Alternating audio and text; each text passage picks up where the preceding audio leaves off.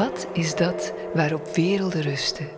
Radio Lila zoekt de grond onder mystieke ideeën, filosofeert over scheppingsmythen, literatuur en muziek. In gesprek met wetenschappers, kunstenaars en connoisseurs. Van het ondermaanse tot het bovenaardse, van de oudheid tot nu. Scherpzinnig en luchtig, diepgaand en compact en voortdurend op zoek naar geestelijke rijkdom.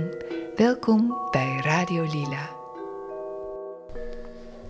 Dag allemaal, ik ben Marleen Schefferly en tegenover mij in deze pop-up studio zit Ingmar de Boer, vicevoorzitter van de Theosofische Vereniging. Welkom Ingmar. Ja, dankjewel. Ja, vandaag staat het Sanskriet-begrip uh, Swabhava centraal. En ik heb net al begrepen dat ik het verkeerd uitspreek, uh, de klemtoon verkeerd leg. Nou, uh, Swabhava, dus de B en de H zijn één letter. Oké, okay, ja. Dus ja. het is de Bha. Ik ga mijn best doen. Uh... Nou, nou ja, het is in ieder geval Ik zal het je niet euvel duiden. het is gespeld als uh, Swabhavat of Swabhava. Nou, het is in ieder geval een, um, wat ik al zei, een Sanskriet-term. Um, en ik gebruik heel even de wijsheid van ChatGPT, um, die een aantal betekenissen heeft, afhankelijk van de context waarvoor, uh, waarin het wordt gebruikt. Over het algemeen verwijst het naar de inherente aard of essentie van iets, of de inherente kwaliteiten of kenmerken die iets definiëren. Het kan ook verwijzen naar de fundamentele principes of krachten die ten grondslag liggen aan de manifestatie van het universum.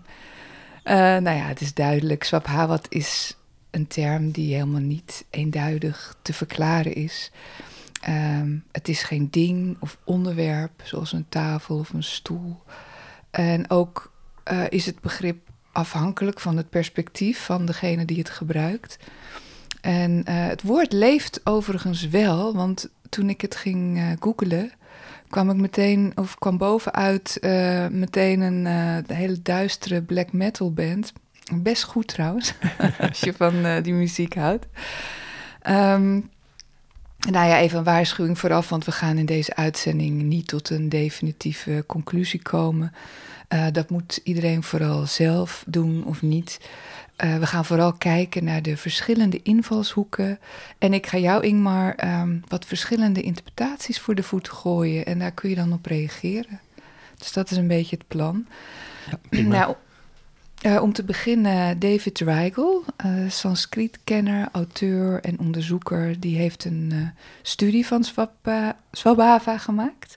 En hij heeft samen met Nancy Reigel hierover een manuscript gepubliceerd dat ook online staat. jij hebt meegewerkt aan de website um, hiervan, als ik het goed begrijp. Klopt, ja. En althans, hij heeft ook een eigen website waar dit ook op staat. Uh, dit is al van lang geleden hoor, dus die, die jaren negentig. Oh, oké. Okay. Uh, het gaat vooral over. Uh, er is een groep uh, of een school ehm, die vroeger genoemd werd, de Swabhavika's. En die, ja, die hadden Swabhava op een bepaalde, in een bepaalde betekenis als een heel belangrijk concept in wat ze deden. En in de 19e eeuw dacht men dat die school er was, maar nu is hij opeens nergens meer te vinden. Oké, okay, ja. En daar ja, gaat dat ja. stuk van uh, David Regal over. Oh, oké. Okay, en ja, uh, ja dus en dat is met name interessant omdat Blavatsky het een aantal keer in de geheim leer over die Swabhavika's heeft. Ja, precies. Ja, ja. En uh, ja, dat is dus een soort puzzelstukje voor ja, waar precies dat boek van Jan precies vandaan komt. En waar die leringen van de meesters, uh, uh, waar in de geheime leer over gesproken wordt, waar die eigenlijk geografisch en historisch een plekje hebben. Ja, want we hebben al meerdere uitzendingen gemaakt over boeddhistische filosofie en dus ook Oosterse filosofie. Uh, even, want in de geheime leer, wat daarmee doorspekt is, ook natuurlijk. Uh, Blavatsky, uh, voor degenen die haar misschien niet kennen, die heeft met haar werk in de 19e eeuw veel van deze kennissen ook in het Westen verspreid. Um, ik weet dat jij in je uitleg altijd zoveel mogelijk Sanskriet-termen uit de weg gaat trouwens. om de zaken niet onnodig ingewikkeld te maken. Maar vandaag kom je er dus niet onderuit, want uh, ja, we zitten met dat swab, uh, swabhava. uh, zelf denk ik ook wel dat het juist fijn is dat het geen woord is wat in je eigen taal is dat je zo ook niet de kans krijgt om het te vervuilen met allerlei voorgeprogrammeerde ideeën. En dus eigenlijk een soort van blanco tegenover het hele concept staat. Klopt, ja. Dat heeft, heeft allerlei voordelen. Het heeft ook veel nadelen natuurlijk, maar eh, ja, met name in dit geval is het een begrip met een enorme geschiedenis. En als je dat zou gaan vertalen, dan uh, heb je een goede kans dat die geschiedenis helemaal verdwijnt natuurlijk. Ja, we, we gaan even beginnen met de etymologie. Uh, maar we zeiden het al, uh, Swabhava is een Sanskriet-Hindoeïstisch woord, dus nog overgeleverd uit de priestertaal Sensar. Um, nou ja, zullen we beginnen? Klopt dat sowieso? Want lijkt ik zie mij jou niet. een beetje. Dat lijkt mij niet. Nee, ik, ik ben een bewonderaar van Blavatsky, maar ik ben het niet met alles eens. Oh, oké, oké, oké. Nee, heel goed. Uh, kritische houding is goed.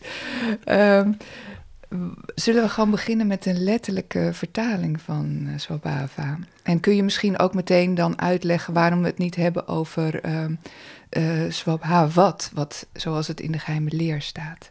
De definitie in letter, letterlijke zin is: het bestaat eigenlijk uit twee stukken, Bahava en Swa. En Swa, dat kennen we nog in het Latijn als Sua, ons, onszelf. En uh, Bhava is eigenlijk bestaan. Dus het is uit zichzelf bestaande. Ja, ja. Uh, Dat is de meest eenvoudige. Dus inherent bestaan is een hele mooie vertaling die je in heel veel boeddhistische vertalingen ziet. Inherent, inherent existence. Um, maar goed, het heeft dus meerdere filosofische betekenissen. Maar het komt dus van swa, uh, hem, jezelf. En bhava, to be. Uh, die B van to be en de hmm. B van ons woord ik ben, uh, dat, die zijn allebei uh, dezelfde B als in Bhava. dus um, het is het werkwoord zijn.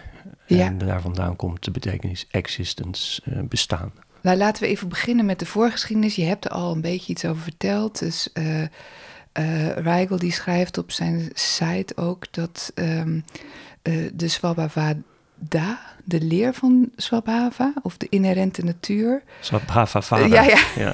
dat is een tongbreker. Um, de, zoals de oorzaak van de wereld, hè, dat dat een hele oude leer is. En um, hij wijst bijvoorbeeld ook naar de Svedasvastara Upanishad.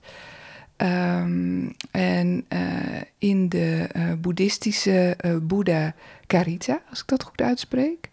Buddhacharita. Ja. Charita. En er is nog een oudere uh, Shwabhavada. Dus uh, ja, heel anders um, dan degene die in deze teksten wordt beschreven eigenlijk. En uh, die ik dan maar even de prehistorische Swabha Vavada zal noemen, hè? volgens uh, David Reigel. Ja, klopt, ja. Want wat is dat precies? Het klopt inderdaad dat die site, uh, die site is, die wordt door David en door mij en door Jacques Maniche uh, beheerd. De David is de degene die het meeste schrijft. En die heeft inderdaad al een hele tijd geleden dat stuk over prehistoric Swabhava geschreven. Ja. En, en ik heb inderdaad de site gemaakt, de, de software en zo. Maar ik heb zelf ook een aantal stukken erop gezet over Swabhava. Uh, er is inderdaad, uh, er zijn heel veel verschillende betekenissen. Het moet een heel oud begrip zijn. Uh, uh, ik meen dat David ook zegt dat het uh, in het Jainisme voorkomt. Jainisme ja. is heel oud. Ja. hoe het daar gebruikt wordt, weet ik op dit moment even niet. Maar wat heel uh, opvallend is, is dat het um, uh, in het latere boeddhisme wordt het gezien als een term die te maken heeft met um, ja, een soort mentale essentie van de dingen. Mm -hmm. terwijl het heel vroeger um, meer een oorspronkelijke substantie waar alles op gebaseerd is, ja, ja, betekent. En dat zei je net al een beetje ja. Uh, toen, je, uh, toen je beschreef wat welke twee betekenissen Ja. ChatGPT onderscheidt. ja, precies. Wat hij trouwens heel knap doet. ja, ja. Want in het woordenboek staat er maar één van die twee. oké. Nou, dat nog Die hele betekenis van Swabhava als een soort oersubstantie, die staat in, eh, in de normale woordenboeken, kom je die niet tegen. Oh, wat, dat is wel bijzonder. Ik heb- ben benieuwd waar hij dat dan vandaan geplukt heeft. Waarschijnlijk uit datzelfde stuk van Ja, David. Eh, maar er zouden geen pre-boeddhistische Swabhavika's geweest zijn in Nepal of zo. Die zijn nooit gevonden, dat zei je eerder al. Hè? Eh, ja, pre-boeddhistische of niet pre-boeddhistische. Ze zijn niet gevonden en eh, omdat degene die die informatie naar het Westen heeft gebracht geen, on- eh, geen Orientalist was, heeft hij daarom een beetje het stempel gekregen dat hij maar wat verzonnen heeft. Ja, ja. Ja. Maar hij heeft het wel degelijk gebaseerd op conversaties die hij met, in Nepal had met mensen. Oké, Dus het is heel goed mogelijk dat er in zijn tijd, in die 19e eeuw, toen hij zijn eh Sanskriet manuscripten daar verzamelde, dat die school nog bestond. ja. Of dat wij hem onder een andere naam kennen en niet meer precies weten eh, hoe dat zit, eh, Ja. eh, wie precies wie is. ja. En waarschijnlijk is dat het geval en bestaan de Sabhavika's wel. Maar daar zit een soort, een klein beetje een vooroordeel van, van de wetenschap. De wetenschap gaat altijd uit van vooroordelen, maar komt uiteindelijk achter de waarheid. Oké, dat is de bedoeling, ja. Eh, nou, ik, we noemden, ik noemde net al even de Svedasvatara Upanishad. Die stamt uit ongeveer 400 voor onze jaartelling, als ik het Klopt, goed ja. heb. En daar wordt in vers 1 gevraagd of Brahman de oorzaak, eh, Karana, van de wereld is. En verderop worden dus zes alternatieven hiervoor als de bron eh, van de wereld gegeven. Dus Kala, de tijd, Swab, Swabhava, de inherente natuur, eh Niyata, het lot, noodzaak, bestemming. eh Yajra, eh, kans en Bhutani, de vijf elementen. Purusha, de geest. Nou, ik heb even toch die vertaling erbij gepakt. Ik vond het toch wel leuk. Ik ga hem even voorlezen. Ehm, dat is dan het tweede deel, of tenminste het tweede vers van de Shvetavastara. Shvetas Avatara Upanishad in de vertaling van Wim van der Laar. De Svetasvatara. Ja, sorry, weer verkeerde klemtoon. Oké, daar gaat hij.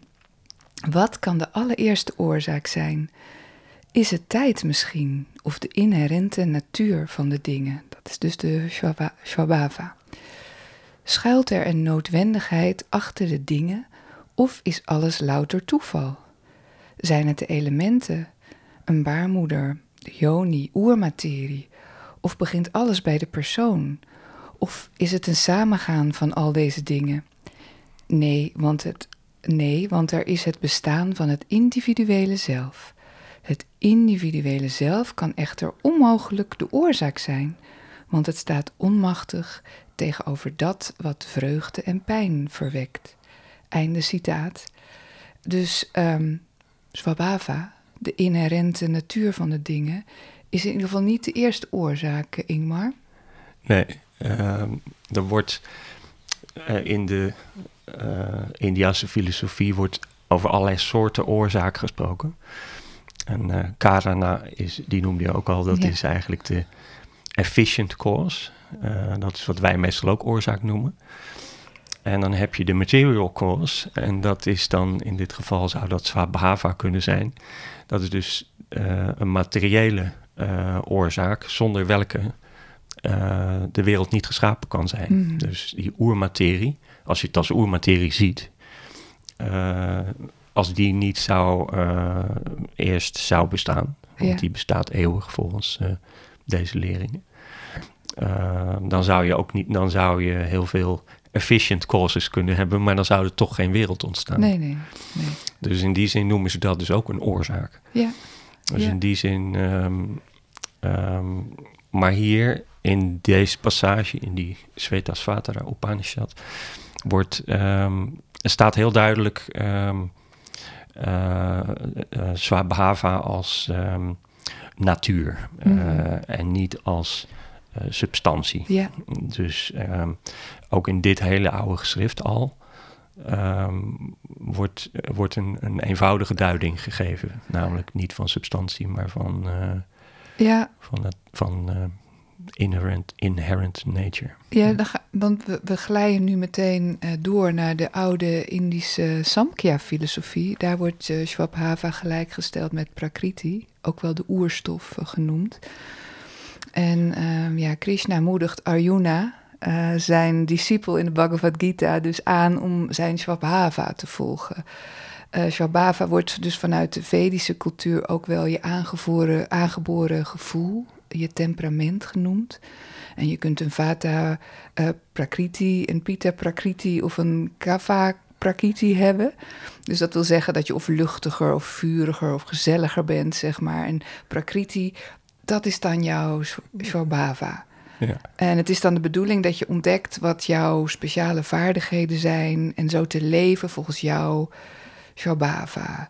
En de, de, uitdrukking, die, komt, die heb je dan ook nog Swadharma. En dat is dan weer een kruising tussen je plichten en, de, en je natuur.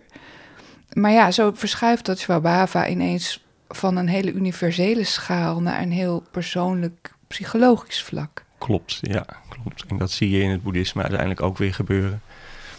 Uh, we hebben het in een eerder gesprek het gehad over een zwaard. Uh, als je dat zwaard doormidden hakt, dan ehm, heb je twee stukken, maar dat is eigenlijk al niet meer een zwaard. Nee. nee. En zelfs dat wordt al het inherente bestaan van het zwaard genoemd. Dus het feit dat, het, uh, dat, er, dat er op een zeker moment geen zwaard meer is als je het uh, uit elkaar haalt. Ja.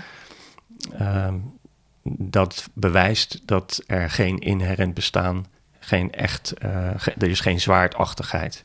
Nee. En in, uh, in de platonische zin zou je dus zeggen, um, er is geen uh, zwaardarchetype of er is geen eeuwig bestaand onderliggend abstract idee van een zwaard. Nee, het is een samenstelling van, ja. van dingen. Dus als je gaat kijken in jezelf, um, dan is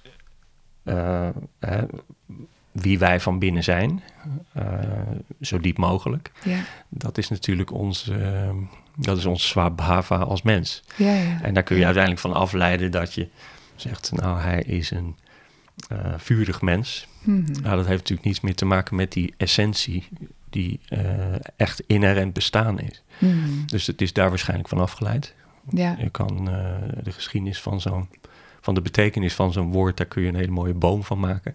Ja. En waarschijnlijk uh, zit die boom op dit punt zo in elkaar. Ja, ja precies. Nou ja, we gaan, we gaan verder uh, in die boom, denk ik. Want uh, we ja. zijn nu aanbeland bij de stanza's uit de geheime leer van H.P. Blavatsky. ze kwamen al even ter sprake. En voor de luisteraars die deze niet kennen, dit zijn dus eigenlijk grof gezegd de verzen die de natuurwetten achter het ontstaan van de kosmos en de menselijke bewustwording beschrijven of omschrijven. Zeg ik dat goed, Ingmar? Ja, je zit te knikken, ik gelukkig. Ja. Uh, ik ga naar stanza 3, sloka 10. Um, vader, moeder spinnen een web, welks boveneinde bevestigd is aan den geest, het licht der ene duisternis, en het benedeneinde aan zijn schaduweind, stof. En dit web is het heelal, gesponnen uit de twee substanties, welke tot één gemaakt zijn, dat Swabhavat is. Nou, hier betekenen, of hier betekent Swabhava um, een combinatie van stof en geest. Ja, en die is bij elkaar dus een oersubstantie. Ja. Dus werkelijk alles, uh, dus alles wat uh, we om ons heen zien, um, is uh, in materiële zin, maar ook in geestelijke zin, opgebouwd op basis van die oersubstantie. En dat kan omdat die oersubstantie al die twee essentiële onderdelen, die vader en moeder of die geest en stof, uh, in zich heeft. Ja. En dat is, um, ja, dat zijn dingen om, om, uh, om te, over te mediteren natuurlijk, ja, om er diep over na te denken. Ja. Maar uh, het is dus niet zo dat, het, het is natuurlijk een, een breed algemeen, een algemeen filosofisch probleem. Uh, waar komt, uh, hoe is het mogelijk dat bewustzijn in de materie indaalt of er bewustzijn ontstaat uit materie, als je Ja. het op de materialistische manier wil uitleggen. Ja. En op deze manier wordt dat, wordt dat probleem min of meer vermeden of opgelost, zou je kunnen Ja, zeggen, door alvast in in de kiem ehm, te vertellen dat alle stof uh, op zijn minst een aangrijpingspunt heeft voor de geest. En dat dat juist het essentiële is van de stof. Ja, ja, mooi. Nou, ik ga even door naar sloka 12. Um, dan zendt Swaba, Swabhavat, Swabhava Fohat om de atomen te harden. Elk is een deel van het web. De zelfbestaande Heer, als een spiegel weerkaatsend, wordt, op, wordt elk op zijn beurt een wereld. Nou, Swabhava werd door Blavatsky in haar vroegere geschriften ook wel gedefinieerd als de eeuwige en ongeschapen, zelfbestaande substantie die alles voortbrengt. Nou, dat klinkt wel heel cool. Ja, hè? ja. terwijl alles wat uh, van zijn essentie is, zichzelf voortbrengt uit zijn eigen natuur. Dat komt er ook nog uh, achteraan. Um, maar uh, ze lijkt het dus volgens David Reigel um, nog vaker te definiëren als een heel concreet aspect van Mula Prakriti, dus die oerstof. En dan zegt ze: het is het lichaam van de ziel. En uh, dat wat eten zou zijn voor Akasha, waarbij het, de laatste, het informerende, dus principe is van het eerste. Ja, ja. En, en, ook ja. zegt ze dus: Swabhava, uh, Swabhava is de wereldsubstantie en het spul. Of liever dat wat erachter zit, de geest en de essentie van de substantie. Juist, ja. Dus uh, in die stanza's van Jan wordt natuurlijk beschreven hoe de wereld geschapen wordt. En een van de factoren, basisfactoren, is dan uh, die oersubstantie. Die oersubstantie is natuurlijk homogeen. Ja. Die heeft nog helemaal geen vorm. Uh, dus er moet iets komen. En dat is dan Fohat, die gezonden wordt door Swabavat in dit geval. Die, uh, die in staat is uh, aan te grijpen op die basisstof en er vormpjes van ja. te maken. En uh, Vohad is dus in feite, het is een raadselachtige term en de oorsprong ervan is niet duidelijk. Maar in feite uh, is het um, wat wij kracht noemen. Hm. En de essentie van Swabhavat, of Swabhava, is um, dat het kan reageren op kracht. Hm. Dus de, een van de meest essentiële eigenschappen van uh, van wat Blavatsky uh, materie noemt, of basis van materie, is plasticiteit. -hmm. De mogelijkheid om te reageren op krachten die uh, het kunnen vervormen. Nou, dat is een hele filosofische natuurlijk. Yeah. Um, hè, dan ga, dat gaat dus uit van een beeld van de natuur waarbij je zou bijna kunnen zeggen, je zou bijna een stuk plasticine voor je kunnen ja, zien ja. waar je ja. uh, met je vinger indrukt. En die plasticine die heeft als basiseigenschap dat die op die vinger kan reageren en dat er dan een putje in komt in dat blok. Een soort voedingsbodem, is dat ook een goed ja, um, nou ja, de mogelijkheid om onder invloed van de geest van vorm te veranderen. Dat ja, is het eigenlijk. Ja. Dus, dus dat is de basis van onze evolutie van bijvoorbeeld ons lichaam. Ja. Ons lichaam is op de een of andere manier gevormd. En in de leer van Blavatsky uh, is dat niet vanuit de materie zo ontstaan, maar vanuit de geest die invloed heeft op uh, de materie. Ja. Dus over al die millennia, eeuwen, uh, uh, honderdduizenden jaren, um, is er iets geweest wat ons heeft gevormd uit de oermaterie. Ja. En dat is dan Fohat. Ja. Fohat die gaat, um, nou ja, die zorgt ervoor dat er voor het eerst een soort van centra ontstaan. en die centra die kun je eigenlijk ook vergelijken met atomen. Ja. Er is ook een natuurkundige, 20e eeuwse natuurkundige, John Wheeler, die zegt er is maar één elektron. Oké. Okay. Want hij kon niet verklaren voor zichzelf waarom alle elektronen op elkaar leken. okay. Precies hetzelfde waren. Ja, en ja. ja. dat is nog steeds een probleem wat eigenlijk niet is opgelost. Ja. Ja. En Blavatsky heeft dat in haar geheime leer heeft ze dat al beschreven. Oh, wat bijzonder. Ja, ja. ja ze was goed op de hoogte. Ja, nou meer dan dat. Uh, ze, ze heeft dat probleem dus voorzien. Ze heeft ja. zich gerealiseerd als je een heel klein deeltje vindt. Hoe is het dan mogelijk dat dat deeltje um, nou ja, zich eigenlijk vermenigvuldigt? En over dat soort problemen heeft ze in occulte boeken uh, oplossingen gelezen. En, um, en in dit geval, in het boek van Jan, staan daar ook een aantal uh, ja, aanwijzingen. Hmm, ja, dus het allereerste wat ontstaat Uh, het allereerste wat uh, zich vormt is dus het atoom wat uit Swabavat bestaat. Ja. En dus bestaat het atoom ook uit die twee polen, die vader- en moederpool, Mhm. of die geeststofpool, die in uh, inherent aanwezig zijn. Je hebt nog trouwens, je zegt nu de hele tijd Swabavat, want dat zegt Blavatsky ook, maar het Ik, is ja. eigenlijk Swabhava. Hè? En wat, wat is het, waarom gebruikte Blavatsky's die T aan het eind? Um, inderdaad, als ik uh, me in de wereld van de geheime leer weer inleef, dan kom ik weer terug uh, in ja. de tijd dat ik dat voor het eerst las. Ja. En dan wordt het inderdaad Swabavat, Swabavat, zeiden we dan vroeger. Ja. En um, dat was natuurlijk een vraag die onderzoekers ook hadden. Van, nou, hoe, waarom staat die AT daarachter? Blijkt dat een aantal schrijvers uh, in de 19e eeuw dat woord zo gebruikten. Waarschijnlijk omdat ze de ke uh, kennis van Sanskriet niet bij de hand hadden ja. op dat moment. Ja. Dat het is een naamval, uh, de ablativus. Uh, het verhaal van Brian Hodgson, ik noemde hem net al. De onderzoeker die ging vragen van... nou, hoe denk jij nou dat de wereld in elkaar zit... aan de Nepalese plaatselijke bevolking? Ja, zo stel ja. ik me even voor. En die werd geantwoord... waar komt alles vandaan? Nou, from uh, uit Swabavat. Oké, okay, ja, ja. En dan is Swabavat is inderdaad de ablativus, Ja. namelijk vanuit uh, het inherente Ja. bestaan van de dingen. Ja, precies. Maar het gaat dus om hetzelfde. Dat is in ieder geval het belangrijkste. Juist, hetzelfde ja, principe. Ja, maar het moest wel verklaard worden eerst. En, uh, ja. ja, en het, het- wordt dus ook soms anders vertaald hè, uit die tijd. Want in de ehm, Ganesha, dus de kleine woordentolk der geesteswetenschappen, daar staat een andere verklaring voor Swabhava en voor Swabhavat. Er staat bij Swabhava de innerlijke gesteldheid van de dingen, de karakteristieke identiteit, en tussen haakjes zie prakriti. Dat is weer die stof. Hè? Eh, of hier staat, als ik dan bij prakriti kijk, is vrij te vertalen als voortbrengen in het leven roepen. Ook wel het oorspronkelijke aspect van stof. En als tweede betekenis van Swabhava de drang tot zelfexpressie. En dan staat bij Swabhavat ehm geestessentie in openbaring fohat. ja.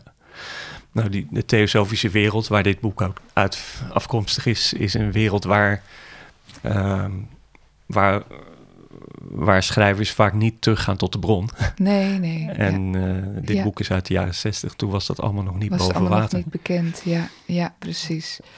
Nee, dat is. eh, ja, ik heb ook die occulte woordentolk van eh G. de Poeroeker. Dat die valt daar ook onder, denk ik dan. Uit die, Ik eh, ben wel heel benieuwd of jij de, daar nog weet wat hij zei. Ja, ja, ik, ik heb het hier staan. Ehm, hij maakt ook dat onderscheid Ja. tussen uh, Swabhava en Swabhavat. Nou, Swabhava betekent zelfverwekking, zelfvoortbrenging, zelfwording. Je brengt dat voort wat je in je hogere natuur bent, vanuit een innerlijke drang tot evolutie. Dat lijkt heel erg op die hindoeïstische verklaring. En Swabhavat is het kosmische bewustzijn, waar geest en stof, de vader en moeder, na de manifestatie in elkaar versmelten. Dus dat is dan de uiteindelijke bron van de energieën van de universele natuur. Dus hij maakt het ene universeel en het ander eigenlijk heel. Ja, dus dat is eigenlijk een beetje mythologiserend. Ja, Maar hij kon, hij kon dat ook nog niet weten inderdaad. ja, Nee, ja, dat klopt. ja. Hoewel die geschriften waren allemaal wel natuurlijk bekend waar het aan ontleend is.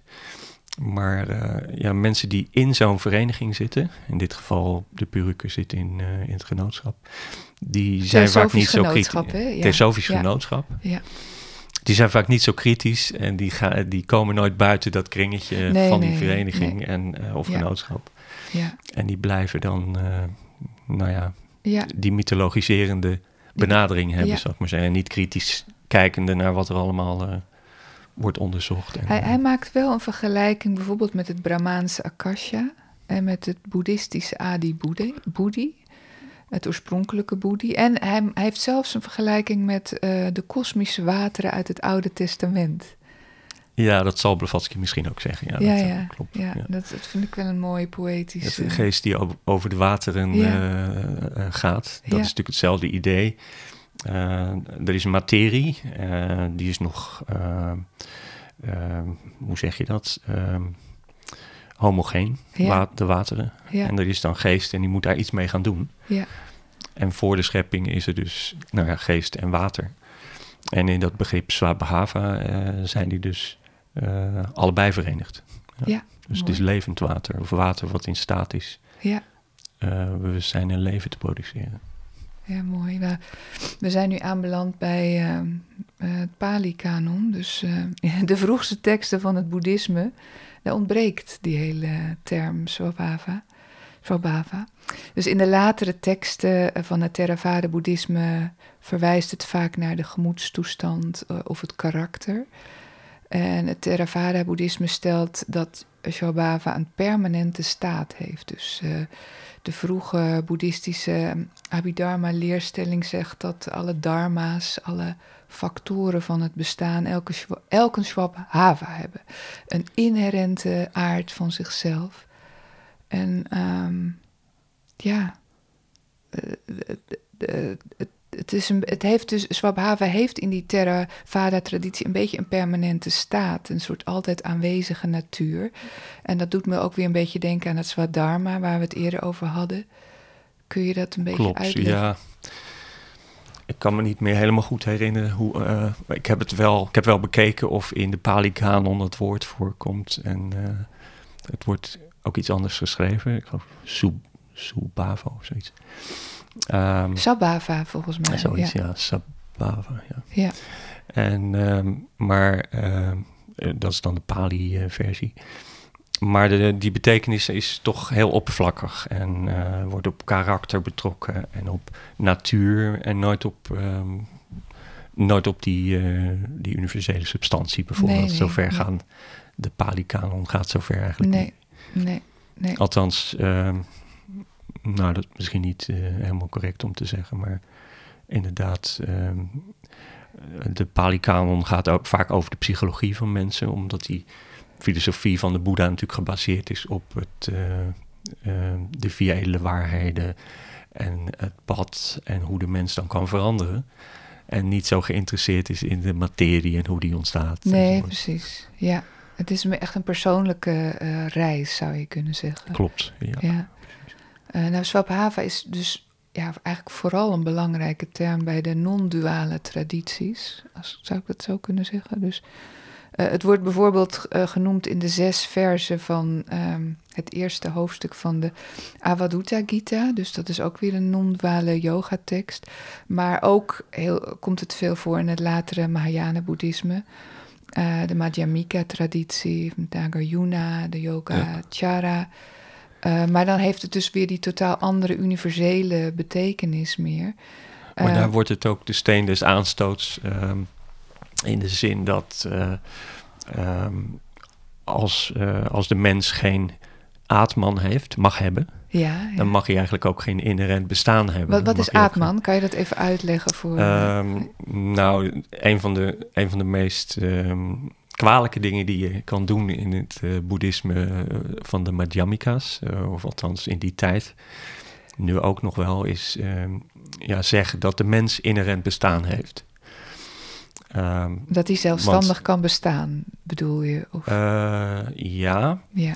Nou, het, het, hele idee is, het bestaan is leeg. Ja. Het huidige bestaan wat we om ons heen zien, het conventionele bestaan, is, is leegte. En dan wel leeg van inherent bestaan. Dus uh, er is niks essentieels wat permanent is. En Ja. wat eeuwig is. En wat uh, werkelijk is. Dus wat ultiem is. En uh, Swabhava symboliseert dat in feite. Dus als je gelooft dat er zoiets is als inherent bestaan in, de in, de, in je eigen omgeving of in de mens of in voorwerpen, dan kun je eigenlijk geen boeddhist zijn. Ja, ja. En dus zo is het op een gegeven moment is zelfs zo geweest dat iedereen die allerlei uh, boeddhistische groeperingen, laten we zeggen, uh, scholen in Tibet, ja, ja. dat die ook werden onderdrukt of um, uh, omdat ze eventueel dat wel vonden. Okay. Dus die Swabhavika's, waar we het net over hadden, dat is een, een groep mensen die, niet, uh, die heel lang niet heeft mogen vertellen dat ze geloofden in dat inherente bestaan in de mens. Mm -hmm. Ja.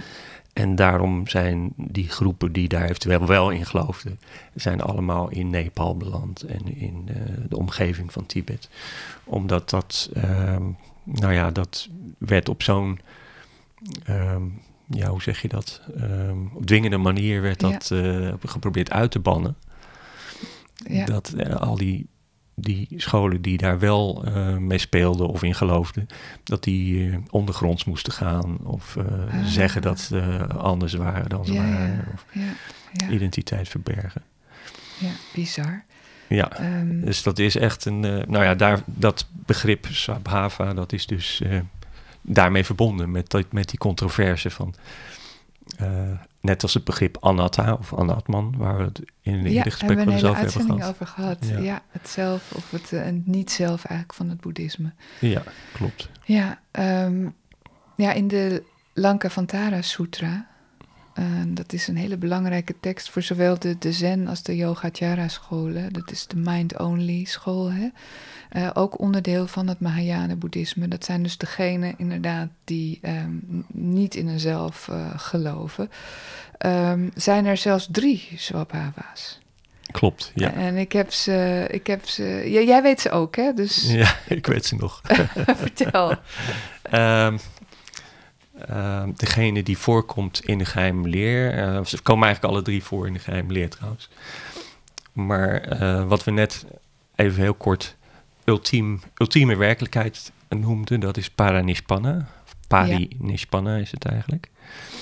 Um, dat is bestaan wat echt eeuwig is, permanent, nergens van afhankelijk. En dat is dus de Parinishpanna Swabhava, mm -hmm. het uit zichzelf bestaande, wat altijd zal blijven bestaan. Ja. En dat is, is, dus eigenlijk het absolute. Uh, en alles wat relatief is, is dus niet para, Parinishpanna. Nee. Uh, op het moment dat er uh, relativiteit ontstaat, zou je kunnen zeggen, um, krijg je dingen die van elkaar afhankelijk zijn. Ja. En dat is paratantra, swab ja. Swabhava. Ja. Um, dat betekent eigenlijk de, de wereld zoals wij hem uh, heel lang in de westerse filosofie hebben beschreven, uh, waarbij uh, de wereld een, een, grote keten van oorzaak en gevolg is, Mhm. een gedetermineerde wereld. Um, die is paratantra, die, die is afhankelijk van elkaar en daarom niet werkelijk. Ja. Want dan heeft die dus geen uh, wezenlijk inherent bestaan. Nee. Dus alles wat op elkaar, wat conditioneel is ten opzichte van iets anders, uh, uh, zorgt ervoor dat die dingen niet bestaan. Dus de uiteindelijke conditie, de oorzaakloze oorzaak, dat is de enige werkelijkheid. Ja. En al die andere dingen zijn niet werkelijk, nee. omdat ze van elkaar afhankelijk zijn. Ja, dan zit je in dat dualisme. Ja. En de derde is, ehm, je kan natuurlijk ook gewoon iets verzinnen. ja, ja. Dat is parikalpita. Uh, ja. Dat is dus, um, nou ja, mensen verzinnen nu eenmaal zaken zoals, uh, nou ja, een heel goed voorbeeld is God. Uh, Alle concepten eigenlijk. Uh. ja, concepten die geen wortels hebben in de, werkelijk, in de, in de werkelijkheid, ja, zou ja. je kunnen zeggen. Ja. ja. Maar ja, eigenlijk is Swabhava zelf ook een, een concept natuurlijk. Dat, dat is, ja, dat is dan een vraag van, nou, in hoeverre... ehm, eh, in principe bestaat natuurlijk een, iets wat je je voorstelt zomaar, iets wat je bedenkt, ehm, wat je fabriceert. Dat is eigenlijk het woord Mhm. kalpita. Ehm, dat komt natuurlijk uit zichzelf voort. Ja, Of het komt misschien uit jou voort, maar in ieder geval. ehm, en daarom is het Swabhava. Ja, heeft ja. het een zeker ja, eh, bestaan van zichzelf. ja. Maar omdat het verder nergens mee verbonden is, dus, dus niet, eh, niet met de werkelijkheid verbonden is. Wij kunnen alles bedenken, maar dan is het nog niet direct waar. Nee, En eh, daarom noemen ze het dan dus ehm, geen ultieme werkelijkheid. Dus in dit geval geen absolute werkelijkheid. nee, Dus geen ehm ja. parinishpanna. nee, precies. Ehm, Dus alles wat geschapen is, eh, alles wat we om ons heen zien, eh, wat in de geheime leer geschapen is, dat is een van die twee. Dat Ja. is pa paratantra en parikalpita, dus verzonnen of afhankelijk ergens Ja. van. En alles wat er voor de schepping is, waar uh, stanza 1 bij wijze van spreken over gaat in de geheime leer. Dus de toestand voor, de, uh, voor het ontstaan van de wereld. Die is altijd, die is parinishpanna. Parinishpanna, zo zitten we dan. Dus um, ja, op deze manier kun je dus je eigen natuur doorzien of bevrijd worden aan het lijden eraan. Uh, uh, of met andere woorden, dus ja, wat ik net ook al zei, Swabhava is eigenlijk het probleem en de oplossing tegelijk. Ja, ja. Het doorzien dat alles wat van elkaar afhankelijk is, niet essentieel kan zijn. Dat is op zich nog een oefening natuurlijk. Ja, uh, ja, dat zien we misschien niet direct. Nee. Maar um, het is een uitwerking van die filosofie van de leegte. Van, van uh, zaken die, uh, die niet permanent zijn en die geen permanente uh, wortel hebben, laat ik zo zeggen. Ja. Die, um, ja, waarom zouden wij, die gaan ook teloor. Want die, ja. die ontstaan in een cyclus van um, codependent origination. Dus ja. omdat uh, dingen die van elkaar afhankelijk zijn, die kunnen, dat hele bouwwerk kan ook instorten. Ja. En dat doet het ook. Ja, jij leest het En, vooral in het eh, Engels, merk ik aan je. nou, die termen zijn wel heel erg ingeburgerd Ja, in, ja. eh, in dat eh, vakgebied. Ik zou zeggen wederzijdse afhankelijkheid of ehm, gelijktijdige verwekking vind ik ook altijd een heel mooi Eh, woord. Codependent origination is wel een heel mooi woord. Maar inderdaad, dus het, het gelijktijdig ontstaan van dingen, Ja, maar in afhankelijkheid. ja, Ja. precies. En nou we hebben hier een hele mooie uitzending gemaakt over de Hartsutra een keer. En ook over de middenweg van Nagarjuna voor mensen die dat eh, interessant vinden om daar meer van te weten. Ehm, ja, we lopen een beetje op het einde, dus valt natuurlijk nog veel meer over te zeggen. En het is ook wel duidelijk dat het echt onmogelijk is om een eenduidige vertaling te geven van wat uh, is. En we hadden al inherente natuur, de aard der dingen. Uh, ik heb ooit jarenlang in een Swabhavat boekstudiegroep gezeten, waar we het boek van Saswita, uh, pseudoniem van Jan Rijks, uh, lazen. En de vertaling van Elisabeth Wesseling daar um, is me altijd bijgebleven. Zijnde het zelf in wording oneindig. Hm. En een andere Swabhava-definitie uh, is die van de godsdienstfilosoof Daniel van Egmond. Um, die zou zijn een uit zichzelf rollend rad. En um, Oh, ja, ja. mijn vraag aan jou is eigenlijk: wat is jouw favoriete vertaling van Swabhava? Um,